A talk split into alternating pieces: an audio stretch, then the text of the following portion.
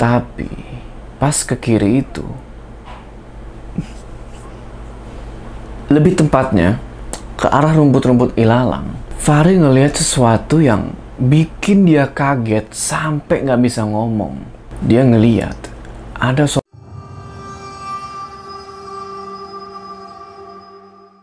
Assalamualaikum teman-teman, balik lagi sama gue Joe. Apa kabar kalian semua?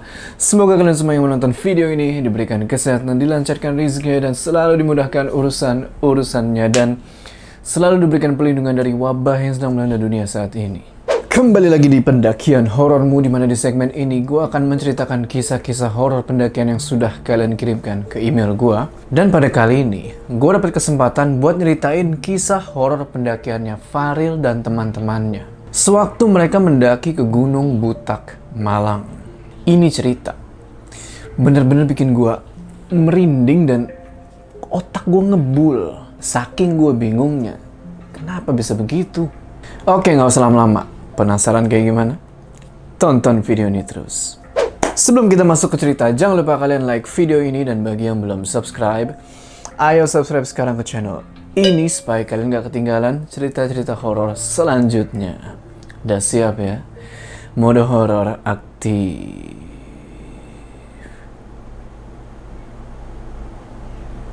Jumat 13 November. Malam itu, tiga orang pemuda, Gareng, Mulyadi, dan Lolong, lagi ngumpul-ngumpul di salah satu warung di daerah Kampung Inggris Pare. Sambil nunggu dua orang teman lagi datang, yaitu Bagus dan Yolan. Yolan ini cewek. Tiga orang tadi ngobrol-ngobrol tentang Gunung Butak yang ada di daerah Batu, Malang. Ngobrol-ngobrol-ngobrol sambil minum kopi, Lolong bilang, Gimana kalau besok kita naik gunung? Kayaknya seru. Gareng sama Mulyadi pun nyaut. Gas lah. Gak lama kemudian, datanglah Bagus dan Yolan. Sontak mereka berdua ini nanya, Weekend ke mana nih? Gareng bilang, Besok kita mau ke Butak. Lu mau ikut? Wih, mantep tuh. Yolah ikut gua. Udah lama juga nggak muncak. Aku juga ikut dong. Ntar aku ajak dua teman cewekku juga lah. Biar nggak cewek sendiri. Ajak aja nggak apa-apa. Sekalian tambah temen juga kan. Aku juga ajak adikku lah, si Faril. Mereka pun diskusi dan pada akhirnya mereka mutusin buat mendaki ke Gunung Butak itu hari Sabtu besok. Besok harinya, yaitu Sabtu 14 November, mereka janjian buat kumpul-kumpul di warung tempat mereka biasa nongkrong. Buat packing-packing barang yang mereka mau bawa. Ada sekitar 8 orang yang ikut dalam pendakian itu. Bagus, Faril, Lolong, Mulyadi, Gareng, Agnes, Iva, dan Yolan.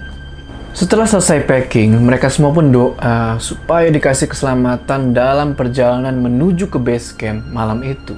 Sehabis doa, pada jam 7 malam, berangkatlah mereka ke base camp Gunung Butak pakai sepeda motor bonceng-boncengan.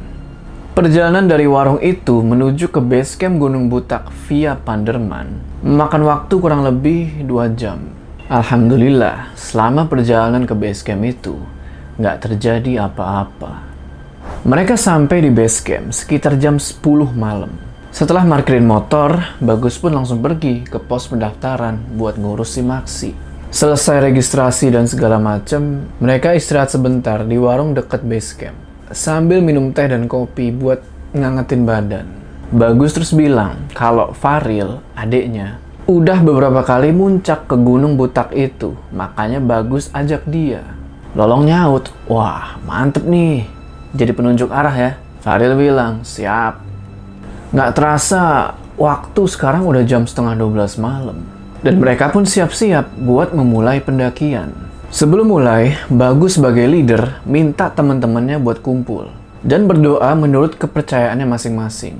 Setelah selesai doa, Bagus berpesan. Nanti, kalau ketemu apa pun di atas, jangan diceritain ke siapa-siapa dulu ceritain pas udah balik aja. Sehabis ngasih pesan itu, pendakian pun dimulai. Perjalanan dimulai dengan formasi bagus jadi leader, diikutin sama yang lainnya dan Lolong jadi sweeper. Selama perjalanan, mereka menyusuri ladang persawahan yang luas banget.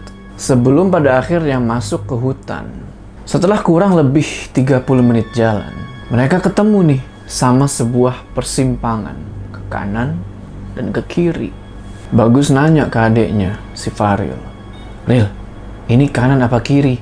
Kok nggak ada petunjuk arahnya? Seingatku dulu, di persimpangan ini ke kiri mas Bagus. Akhirnya mereka semua pun ngambil jalur ke kiri, sesuai arahannya Faril tadi. Tapi, Bagus dalam hati mulai was-was. Kok jalannya kayak gini ya? Gareng nanya ke Faril. Ril, kok jalannya aneh gini ya? Banyak pohon pisang lagi. Ini bener jalannya. Seingat aku, nggak ada pohon pisang di jalan ini, Mas. Tapi jalannya bener kok. Hmm, Gus, balik aja deh. Kayaknya salah jalan. Akhirnya Bagus pun berhenti dan nyuruh rombongan buat balik ke persimpangan yang tadi. Balik lagi lah mereka. Di perjalanan menuju ke persimpangan, mereka semua kaget. Kok di sebelah kanan jalan tiba-tiba ada gubuk tua Bukannya tadi pas lewat situ nggak ada? Apa mereka ini nggak ngeh atau gimana? Mereka berdelapan merasakan keanehan itu. Faril dalam hati bilang, kayaknya dia nggak beres nih. Mereka semua pun nyoba buat nggak merduliin gubuk tua itu dan ngelanjutin jalan ke persimpangan. Sesampainya di persimpangan, lagi-lagi Bagus dan teman-temannya terheran-heran. Bagus bilang, lah kok ada petunjuk arahnya? Padahal kan tadi nggak ada. Iya ya, tadi nggak ada tuh penunjuk arahnya. Kok sekarang ada ya? Ada yang aneh ini. Sudahlah, nikmati saja. Bagus pun minta mereka semua buat istirahat sebentar di situ. Kurang lebih lima menit mereka istirahat. Setelah itu, mereka pun melanjutin perjalanan menuju ke pos 1 dengan mengikuti petunjuk arah yang ada di situ. Sesampainya di pos 1, mereka semua istirahat lagi. Faril dalam hati bilang, kok cepet banget ya? Dari persimpangan sampai ke pos 1. Padahal dulu hampir satu setengah jam. Kok ini cepet banget? Di pos 1 itu, ada beberapa pendaki lain. Akhirnya mereka semua ngobrol-ngobrol lah tuh. Sampai akhirnya, salah satu pendaki yang ada di situ bilang, kami tadi kesasar mas di bawah, tapi kami jalan aja. Eh, tahu-tahu kami ketemu rombongan pendaki, tapi anehnya, mereka putih semua dari atas sampai bawah. Gareng dalam hati bilang, canda gitu kan. Hah? Putih semua? Apa mungkin orang Arab? Kan orang Arab tuh suka pakai gamis putih tuh. Nah, apa mungkin orang Arab ikut mendaki ke situ? Ya udahlah, setelah cukup istirahat, mereka pun melanjutin perjalanan menuju ke pos 2. Selama perjalanan menuju ke pos 2, perasaan udah mulai was-was dan cemas. Karena mereka ngedenger banyak suara-suara yang samar-samar manggil mereka. Tapi mereka cuekin lah suara-suara itu. Mereka berusaha buat menikmati perjalanan malam itu dengan santai, sambil sesekali berhenti buat istirahat minum air. Trek dari pos 1 ke pos 2 itu panjang dan agak menanjak. Di tengah-tengah perjalanan, Yolan dan Iva bilang kalau itu adalah pendakian pertama mereka. Faril bilang, kalau capek bilang ya, jangan dipaksain. Siap. Asalkan nggak bawa tas dan carrier ya. Tenang, ada lolong kok. Dia kan kuat banget. Apaan? Ini aja dulu main berat.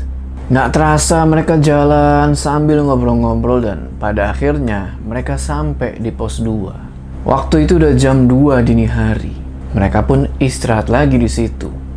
Nah, salah satu dari mereka, yaitu Agnes, mungkin karena dia udah capek banget, dia malah ketiduran di samping carrier. Nggak berapa lama, Iva ngebangunin dia. Nes, bangun yuk. Jalan lagi. Hmm, aku di sini aja lah. Ngantuk banget nih. Lah, gimana? Katanya pengen tahu puncaknya butak. Akhirnya Agnes pun bangun dan mereka ngelanjutin perjalanan menuju ke pos 3. Waktu sekarang udah jam setengah tiga pagi. Dan jalan ke pos 3 itu panjang dan berliku. Alhasil mereka jadi banyak istirahat di perjalanan. Dan juga dari pos 2 ke pos 3 ini sepi banget. Nggak kayak dari pos 1 ke pos 2 yang masih banyak ketemu pendaki.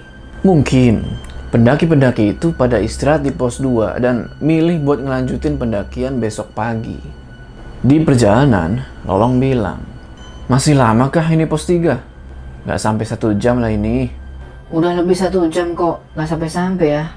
Bentar lagi sampai. Itu udah kelihatan di depan ada rame-rame.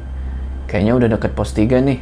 Singkat cerita, akhirnya mereka sampai di pos 3. Lupa waktu itu jam berapa, tapi yang pasti udah masuk waktu subuh. Mereka berenam pun sholat, kecuali Lolong dan Agnes. Karena mereka berdua ini non-muslim. Setelah sholat subuh, Lolong, Faril, Gareng, dan Mulyadi nyamperin seorang pendaki yang lagi ngangetin badan di sebuah api unggun kecil. Sedangkan Yolan, Agnes, dan Iva lagi sibuk selfie. Cukup lama mereka istirahat dan bercengkrama dengan pendaki lain di pos 3 itu. Jam 6 pagi, akhirnya Bagus pun ngajak teman-temannya buat ngelanjutin perjalanan. Takutnya keburu siang. Mereka semua pun ngerapin barang-barang dan ngelanjutin perjalanan ke pos 4. Gak lupa pamitan sama pendaki di pos 3 itu. Di pertengahan jalan, mereka banyak ketemu sama pendaki-pendaki yang turun dari pos 4. Lolong terus nanya, pos 4 masih jauh bang? Pendaki yang turun itu bilang, dua jam lagi kok mas. Sontak Gareng sama Agnes pada ngeluh. Hah? Dua jam lagi? Lolong dan Bagus pun nyemangatin mereka dan bilang, ya udahlah jalan aja. Kita ntar juga sampai kok. Kalau capek istirahat aja. Mereka terus jalan ngelewatin jalur yang menanjak. Singkat cerita, setelah menempuh perjalanan yang melelahkan, pada akhirnya sampailah mereka di pos 4, atau namanya itu savana. Mereka langsung nyari tempat buat ngedirin tenda dan masak. Setelah dapat tempat, Faril dan Mulyadi pun ngediriin dua tenda. Singkat cerita, tenda jadi, mereka pun masak-masak dan makan. Setelah makan, mereka tidur sebentar di tenda masing-masing.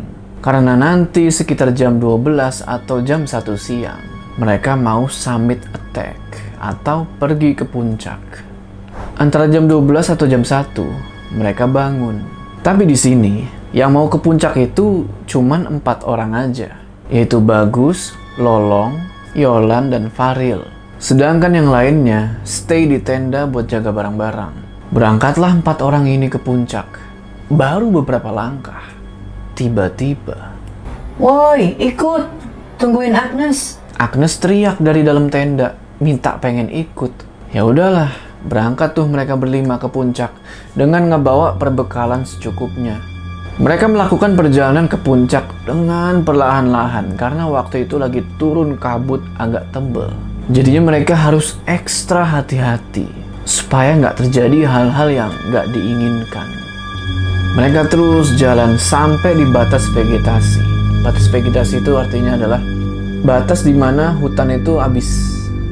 Misalnya di batas vegetasi nih. Nah, ini udah gundul semua nih. Ini hutan, ini gundul, ini batas vegetasi. Nah, di situ jalannya udah mulai berbatu dan licin. Nggak tahu kenapa. Agnes tiba-tiba bilang, kalau aku kesurupan gimana? Kaget semua. Sontak Faril bilang ke Agnes, udah jangan mikir yang aneh-aneh.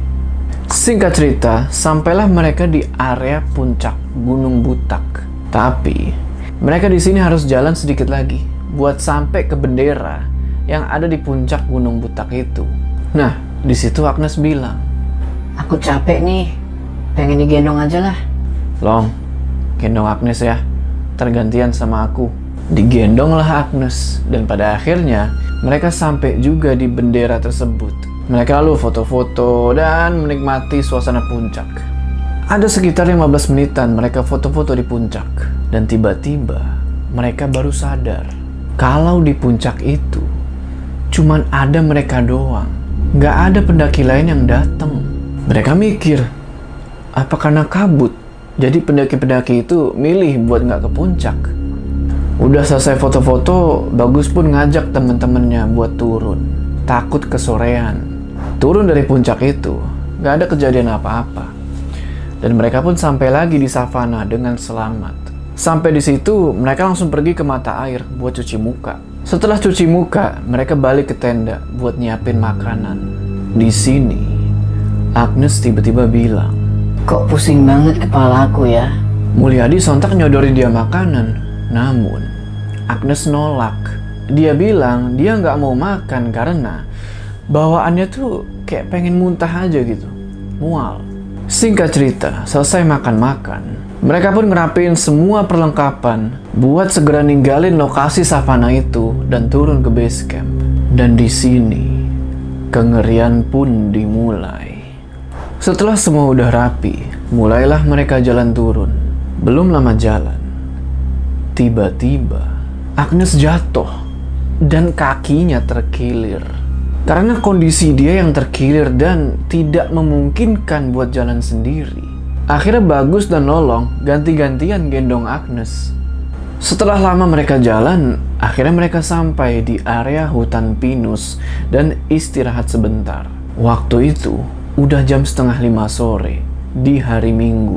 Tiba-tiba kabut tebel turun menyelimuti area hutan pinus tersebut. Dan di saat yang bersamaan, Agnes pingsan, gak sadarin diri. Sontak Gareng teriak, Woi, Agnes pingsan woi. Dan teman-teman yang lain pun kaget. Mereka semua langsung nyamperin Agnes buat ngasih pertolongan pertama. Bagus terus nyuruh Mulyadi dan Faril buat bangun tenda. Dan mereka berdua pun bergegas nyari tempat datar. Setelah dapet kayak rada agak di bawah gitu, didiriin lah tuh tenda. Faril terus pergi, manggil teman-teman yang lain buat turun dan istirahat di tenda tersebut. Pada saat itu, terjadi sesuatu yang aneh.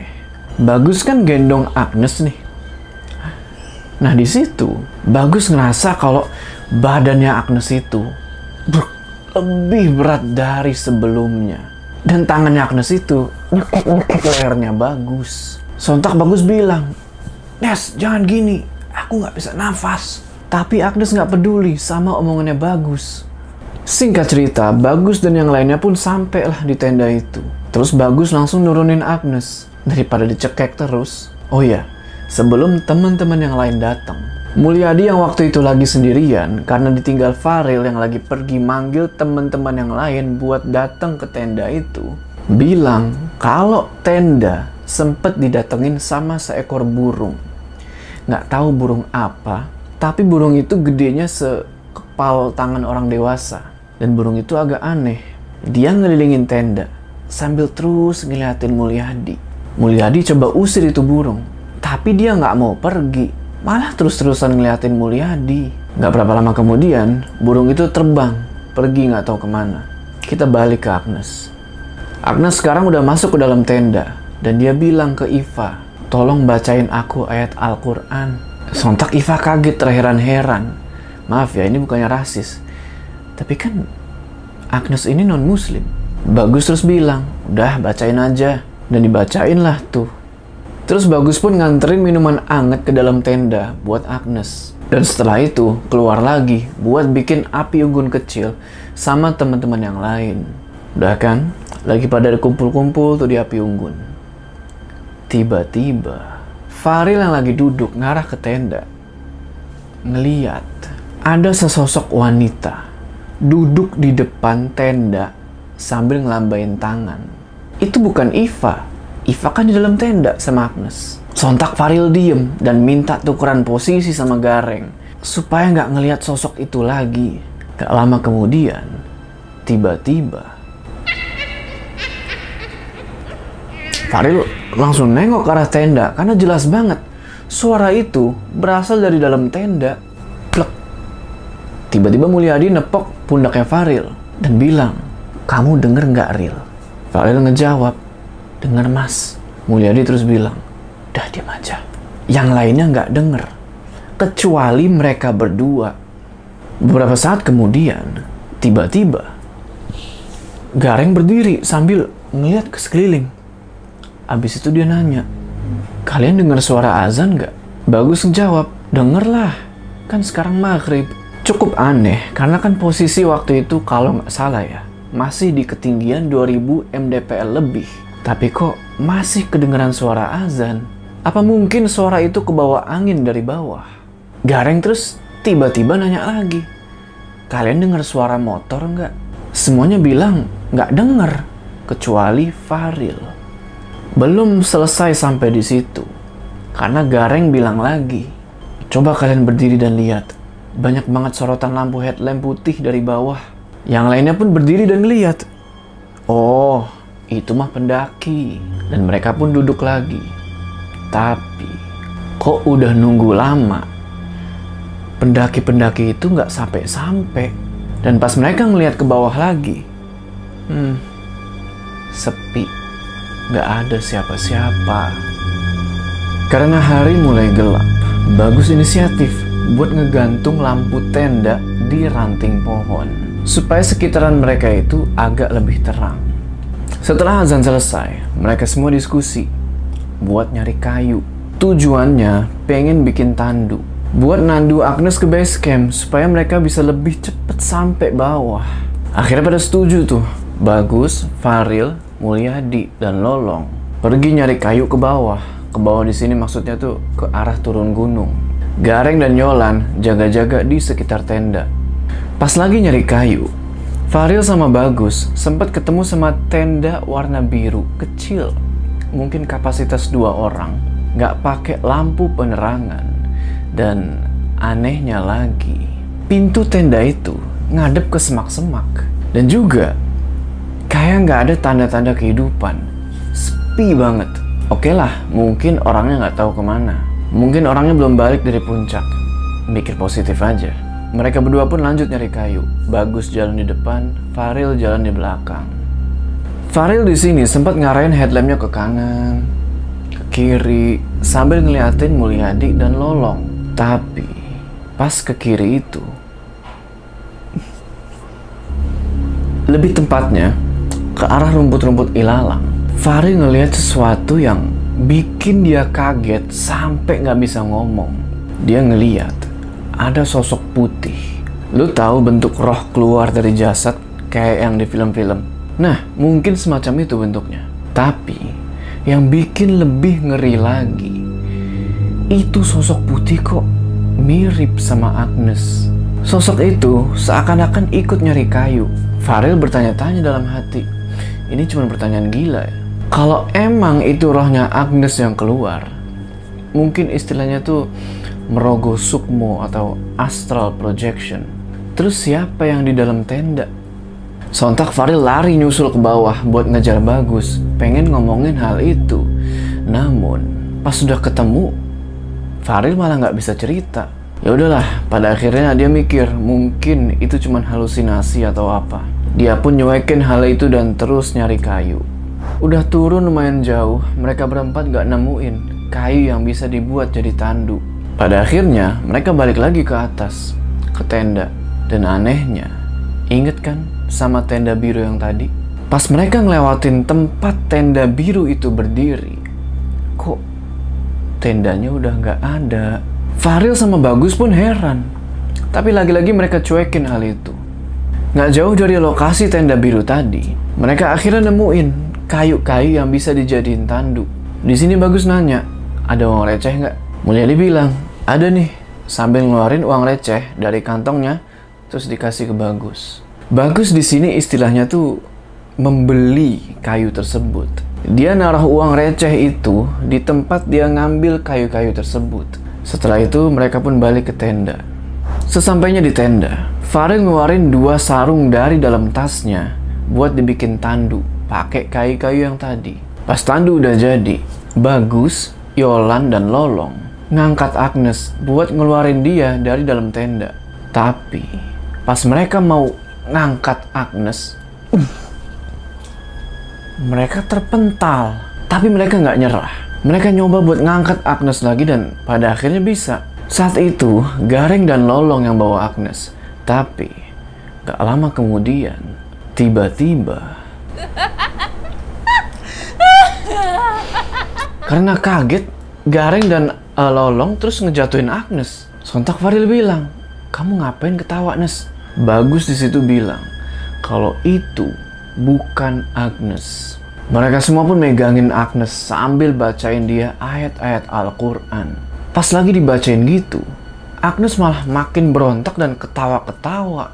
Untungnya, waktu itu Agnes lagi ada di dalam sleeping bag. Jadi dia nggak bisa terlalu berontak. Tapi beratnya, ya ampun. Hmm, berat banget. Lu bayangin kayak lu lagi ngangkat batu gede sendirian. Singkat cerita, nggak lama kemudian, Agnes diem. Bagus terus bilang, Assalamualaikum. Agnes tetap diem. Bagus bilang lagi, ini siapa? Dan keluarlah suara dari mulut Agnes. Jangan bawa dia pergi dari sini. Dia milikku. Dia cantik. Aku suka sama anak ini. Jangan bawa dia. Kaget mereka semua dengar Agnes ngomong kayak gitu. Dan seketika, suasana pun jadi mencekam. Waktu Agnes bilang kayak gitu, Bagus sontak ngeliat ke sekeliling. Dan suasana jadi hening. Nggak ada kabut sama sekali. Tapi, lampu tenda yang Bagus ikat di ranting pohon, muter-muter nggak berhenti kayak seakan-akan tuh diterpa angin kenceng. Padahal, waktu itu nggak ada angin yang lagi berhembus. Bagus pun ngajak ngomong Agnes lagi sambil megangin dia. Bagus bilang, bisakah kamu keluar dari tubuh anak ini? Tapi Agnes cuma diem. Bagus terus ngomong lagi. Jadi dia ini berusaha buat bernegosiasi sama sosok yang udah merasuki tubuhnya Agnes supaya dia ini keluar. Terus negosiasi sampai akhirnya Bagus bilang, jika kamu suka sama anak ini, tolong kamu keluar dari tubuhnya dan jaga dia dari belakang saya. Tiba-tiba, jin yang masuk ke dalam tubuhnya Agnes keluar. Setelah jin itu keluar, mereka pun memandu Agnes buat lanjut di bawah turun. Oh iya, ada satu keanehan lagi yang tadi gue lupa bilang. Sebelum jin itu keluar, tubuhnya Agnes itu kayak jadi memanjang. Ada kali sekitar 2 meteran. Tapi setelah jin itu keluar, tubuhnya normal lagi. Bagus terus bilang, udah cepet rapiin tempat ini dan segera turun ke bawah. Singkat cerita, setelah selesai ngerapiin segala sesuatunya, mulailah mereka jalan turun sambil nandu Agnes. Namun, kengerian belum selesai. Apa yang akan terjadi sama mereka di jalan turun ini bakalan bikin lu tambah merinding. Penasaran kan? Tonton di part selanjutnya. Sebelum kita berpisah, jangan lupa kalian like video ini dan bagi yang belum subscribe, ayo subscribe sekarang ke channel ini supaya kalian gak ketinggalan part selanjutnya dari cerita ini. Gua Jo, sampai ketemu di cerita selanjutnya. Eh, di part selanjutnya. Psh.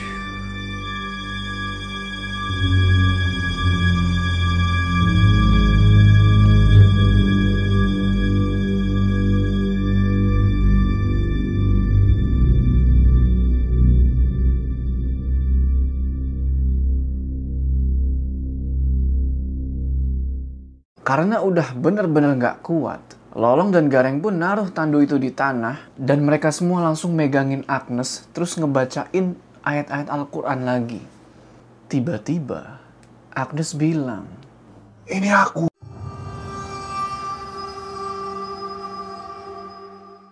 Assalamualaikum teman-teman, balik lagi sama gue Joe.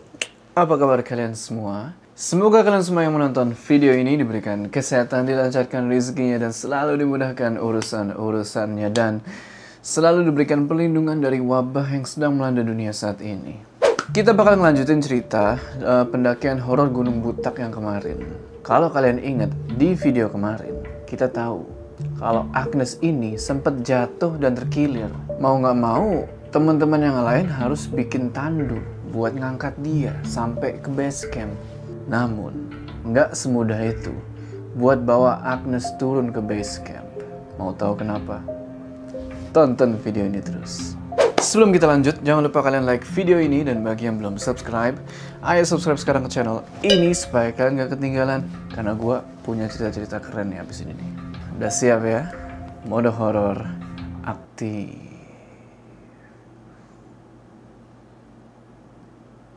Ya, setelah mereka ngerapin semuanya, tenda dan segala macam, dimulailah perjalanan turun dengan menandu Agnes. Di perjalanan turun itu, formasi barisan adalah Mulyadi jadi paling depan, diikuti sama Gareng dan Lolong yang lagi mikul Agnes. Di belakangnya lagi ada Iva, Yolan, Faril, dan terakhir Bagus jadi sweeper. Gak berapa lama jalan, tiba-tiba Lolong dan Gareng lagi-lagi ngerasa berat banget pas ngangkat itu tandu. Apa jangan-jangan Agnes kerasukan lagi?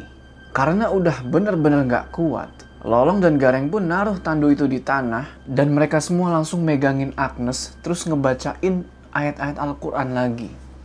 Tiba-tiba Agnes bilang, Ini aku, ini aku, ini aku. Iya ini kamu. Mau apa kamu di dalam tubuh anak ini? Saya suka sama dia. Jangan bawa dia pulang. Jika kamu suka anak ini, tolong kamu keluar dan jaga dia dari belakang aku. Di bawah sudah banyak yang menunggu dari barat gunung ini. Jangan bawa dia. Biarkan dia di sini. Jika di bawah sudah banyak yang menunggu, tolong kamu jaga anak ini sampai bawah. Katanya kamu suka sama dia. Saya minta tolong kamu keluar dan jaga dia sampai bawah. Akhirnya jin itu nurut dan keluar dari badannya Agnes. Seketika itu juga, badannya Agnes udah berasa ringan. Bagus terus nanya, ini Agnes kan? Agnes bilang, iya, ini aku Mas Bagus. Sontak teman-teman yang lain langsung, Alhamdulillah, syukur gitu. Seketika Agnes langsung bisa berdiri dan jalan kayak biasanya. Tapi di situ dia nggak bisa buka sebelah matanya. Kata dia sakit, tapi nggak tahu kenapa. Setelah ngeberesin tandu, mereka semua pun lanjut jalan turun. Di tengah perjalanan menuju ke pos 3, mereka sempat ketemu sama rombongan pendaki. Rombongan pendaki itu nanya, Savana masih jauh nggak? Faril bilang, nggak terlalu kok mas. Oh iya, nanti di hutan pinus banyakin doa ya. Setelah ngomong sama pendaki-pendaki itu, mereka pun lanjut turun lagi. Dan lagi-lagi sesuatu yang janggal terjadi. Tahu suara kuda? Ringkikan kuda itu. Hmm, tuh. Mereka dikagetin sama suara-suara kuda dari arah barat. Aneh kuda dari mana itu? Tapi mereka berusaha buat nggak merduliin suara itu dan lanjut turun ke pos 3. Nggak lama jalan kali ini, Bagus kebingungan. Karena dia bilang kalau dia ngedengar suara kereta api yang nggak berhenti-berhenti. Kereta api dari mana? Tapi suara itu cuman Bagus yang denger. Sedangkan Farid dan Mulyadi sempat ngeliat mata. Mata warna hijau jalan dari bawah pohon naik ke atas. Ah bodoh amat lah kan. Jalan turun lagi dan pada akhirnya mereka sampai di pos 3. Di situ mereka istirahat sebentar sekalian ganti baterai headlamp yang udah habis. Kurang lebih 15 menitan mereka istirahat di pos 3 itu. Udah cukup, mereka pun melanjutin jalan ke pos 2. Baru jalan sebentar, tiba-tiba Mereka dikagetin sama suara kereta kencana dari arah barat lagi. Tahu kan suara kereta kencana yang ada kerincingannya itu? Suara itu nggak berhenti-berhenti ngikutin mereka dari pos 3 tadi. Jalan-jalan lagi dan tiba-tiba Mulyadi teriak dari depan. Kanan apa kiri Gus? Yang anehnya, Bagus bilang, lurus aja Mul. Lurus. Gareng bingung. Kenapa kok Mulyadi bilang ke kanan apa ke kiri? Padahal jalannya jelas-jelas cuman lurus ke depan. Oke lah, terus jalan. Dan kali ini ada yang beda sama Bagus. Dia selalu bilang, Amit mbah, kulonuwun. Yang artinya itu kurang lebih permisi lah. Faril yang ada di depan kakaknya itu sempat heran dan bingung. Kenapa kok si Bagus ini selalu bilang kayak gitu setiap ngelewatin tikungan. Nggak cuma itu. Ingat sama mata menyala warna hijau itu? Yang jalan dari bawah ke atas pohon. Farid lagi-lagi ngeliat mata hijau itu. Di pohon yang sama. Kalian tahu kan apa artinya? Akhirnya Faril sadar kalau dia udah ngelewatin pohon itu tiga kali berturut-turut.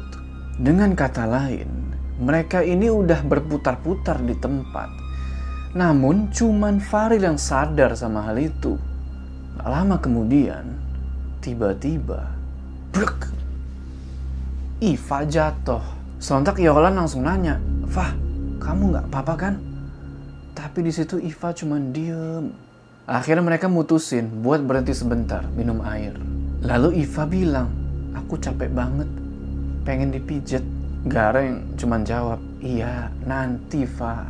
Setelah cukup istirahat, mereka pun ngelanjutin perjalanan turun. Belum lama jalan, kali ini Bagus kaget dan bilang, Amit mbah. Farel yang ada di depannya sontak nanya, kenapa Mas Gus? Bagus cuma jawab, nggak apa-apa, lanjut jalan aja Ril.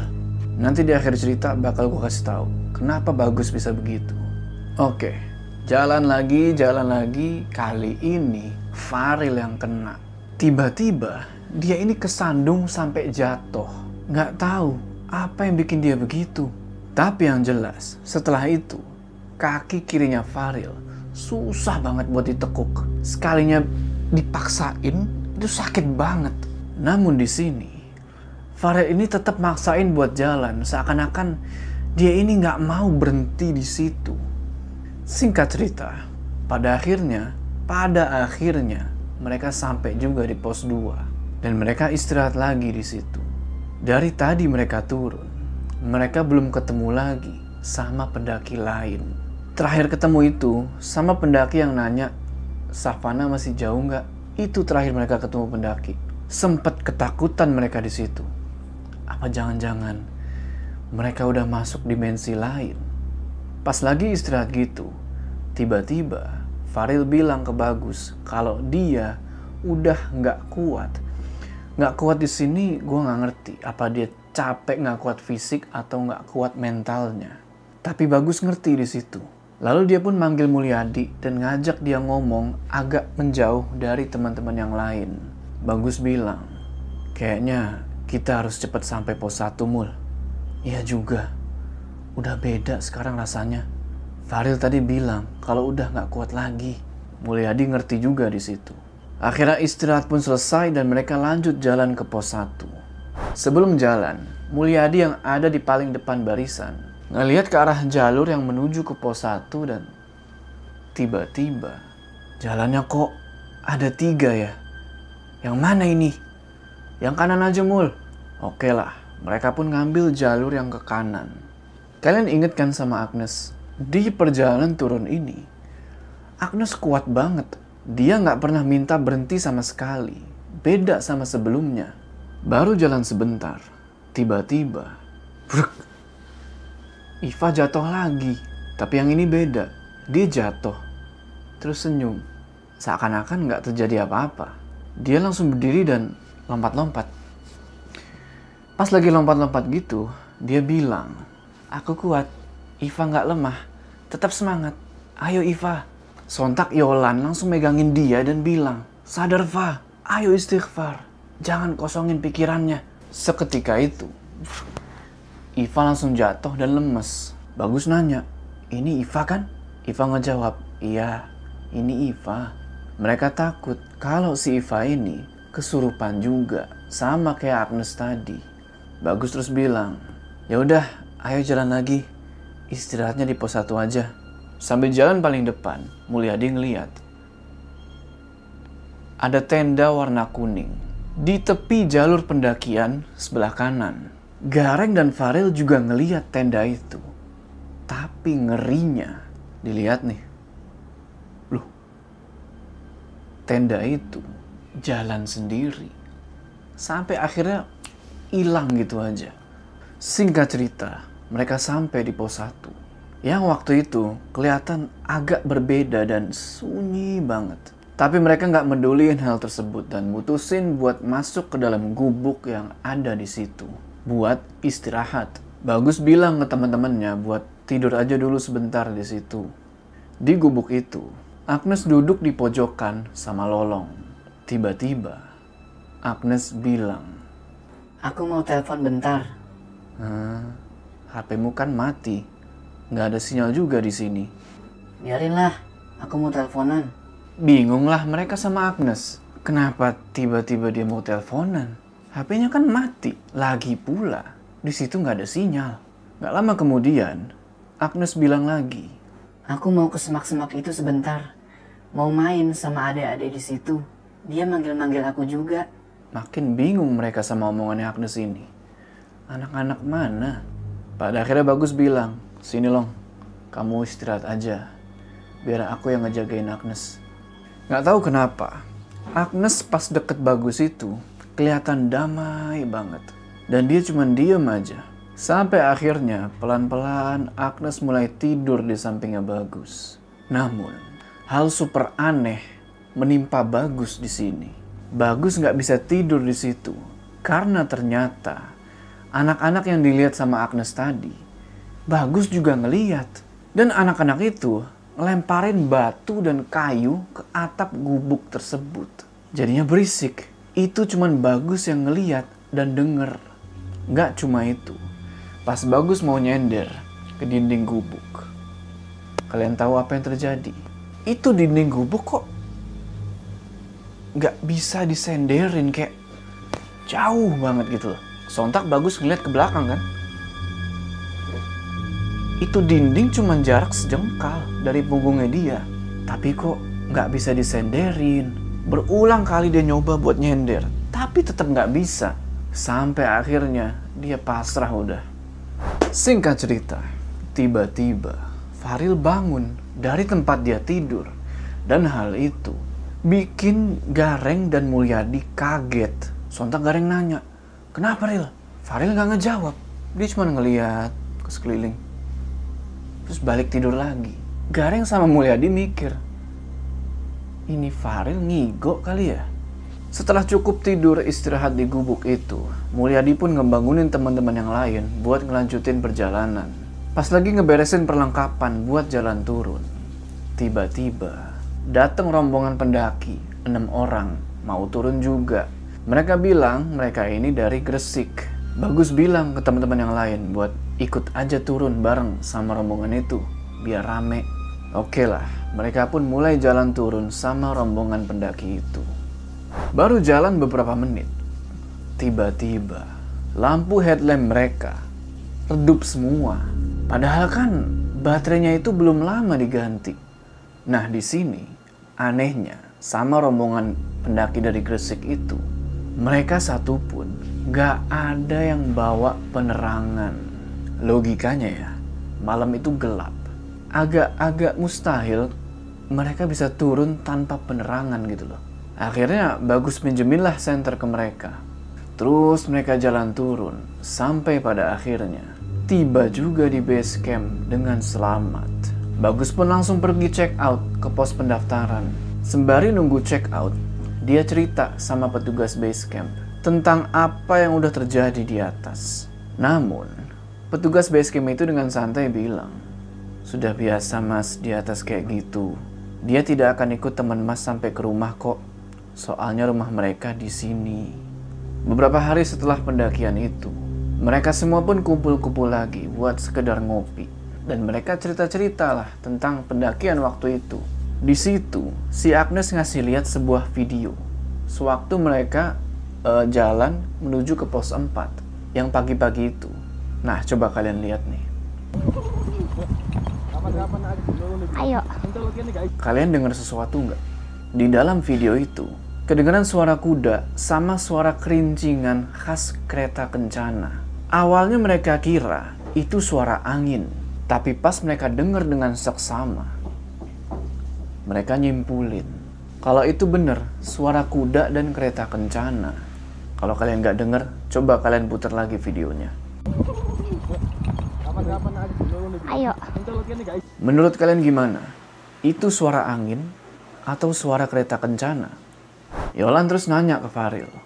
Ril, waktu bongkar tenda, kamu kok nggak kelihatan capek? Terus bongkarnya kok cepet banget, nggak kayak biasanya? Bongkar tenda.